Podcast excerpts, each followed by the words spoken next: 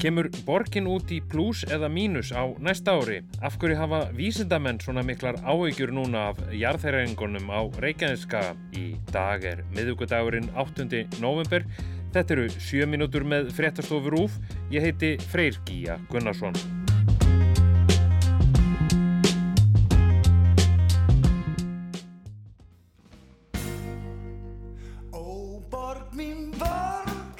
Fundur er settur í borgarstjórn. Fjárhansáallun Reykjavíkuborgar fyrir næsta ár var byrst í gær. Eh, á daskra fundarins er fjárhansáallun Reykjavíkuborgar.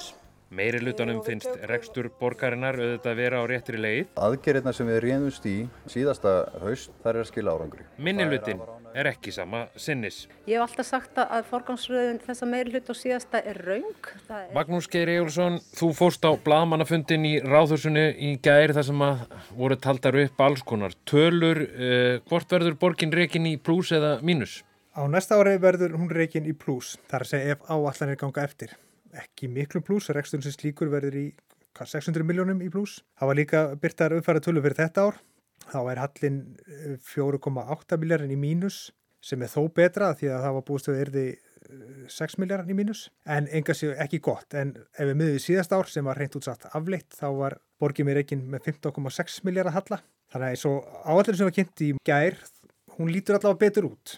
Þeir voru líka bísna stoltir eh, leðtóðar meirulutans. Já, ég legg þessa áallum fram með mjög miklu stolti. Já, sko, það fer svolítið eftir hvernig þið nálgast það, því að þeir geta sagt að, jú, við skiljum halla sá að minni heldur en áallan gerir ráð fyrir.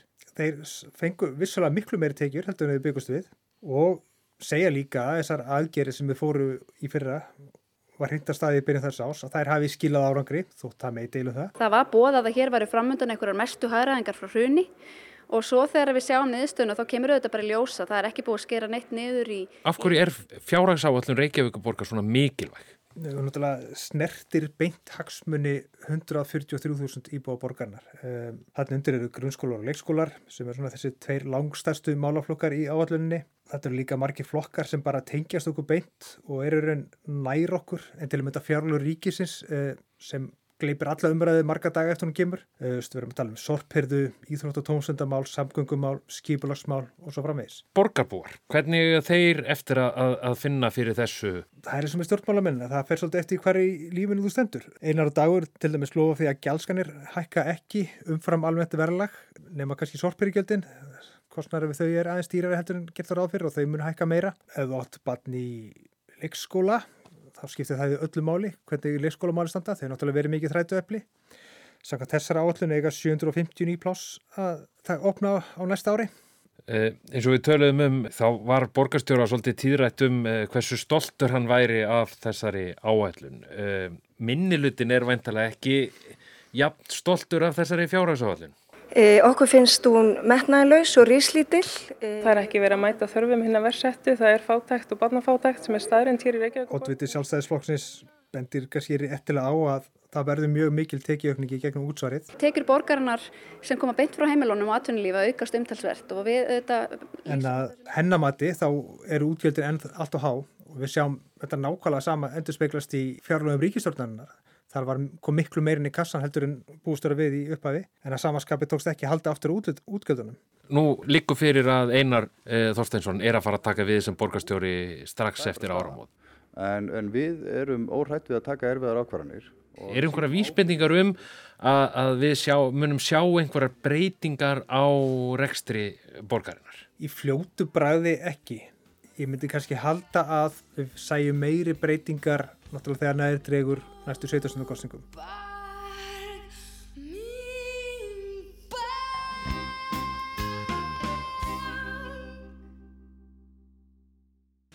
Spurningin sem liggur í loftinu er auðvitað þessi verður gós. Það er ekkert lát á jarðhræringunum á Reykjaneska þar sem land hefur risið og skolvið í rúman hálfan mánuð.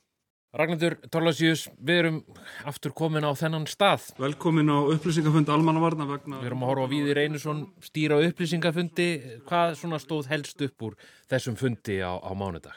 Þetta var nú held ég bara fyrst og fremst svona fundur til þess að segja við erum hér, við erum að vinna vinnan okkar, Víðir er komin úr fríi, aðeins bara til þess að ráa fólk. Það var svona orðin kannski svolítið teitringur í fólki. Svona í síðustu eldgóðsum á Reykjanesunni þá hefur nú kvikan komið upp á bísna heppilegum stað eins og, eins og vísindamenn hafa nú oft talað um. Mm. Þeir hafa aðeins meiri áhyggjur núna af því hvar mögulega getur gósið. Af hverju er það? Já, hafa bara talsvært meiri áhugjur af því, ekkert endilega meiri áhugjur af því að það muni gjósa heldur ef að það gís hvar þá. Við gerum okkur fulla grein fyrir alvöru hamfara líkt á þeim sem búa smá við á Reykjaneskaðanum. Af því að bara svartsengi, orkuverði í svartsengi er bara svo mikilvægt og það er ekkit smá mál ef að það verður heitavaslust á öllum Reykjaneskaðanum. Já, 30.000 manns í november, desember.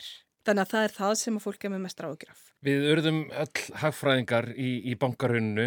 Í COVID voru við öll sóttvarnalæknar. Heldar fjöldi síktra í dag eins og hann byrtist á COVID. Nú eru við að verða öll hagfræðingar. Eh, hvaða orð þurfum við að kunna svona til þess að geta tekið þátt í umræðinni og, og hvað þýðaði? Fólk náttúrulega læriði allt með þannig kvikugang og munn á kvikugangi og berggangi síðast og svo er náttúrulega að tala svolítið um insarmyndir sem eru gerfitungla myndirnar sem sína breytingar á jörðinni, þensluna en síðan er það nýjast árið er silla. Silla er sínatöku pinni þessara jarðhæringa held ég. Þessi líkun benda ennfremi til að innflæði kviku í sillina og svo hefur þetta líka verið kallað laggangur en nú ætlum ég að vitna í glósur gamla jarðhæðkennarans míns úr, úr mentaskóla Guðbjörns Kristóferssonar.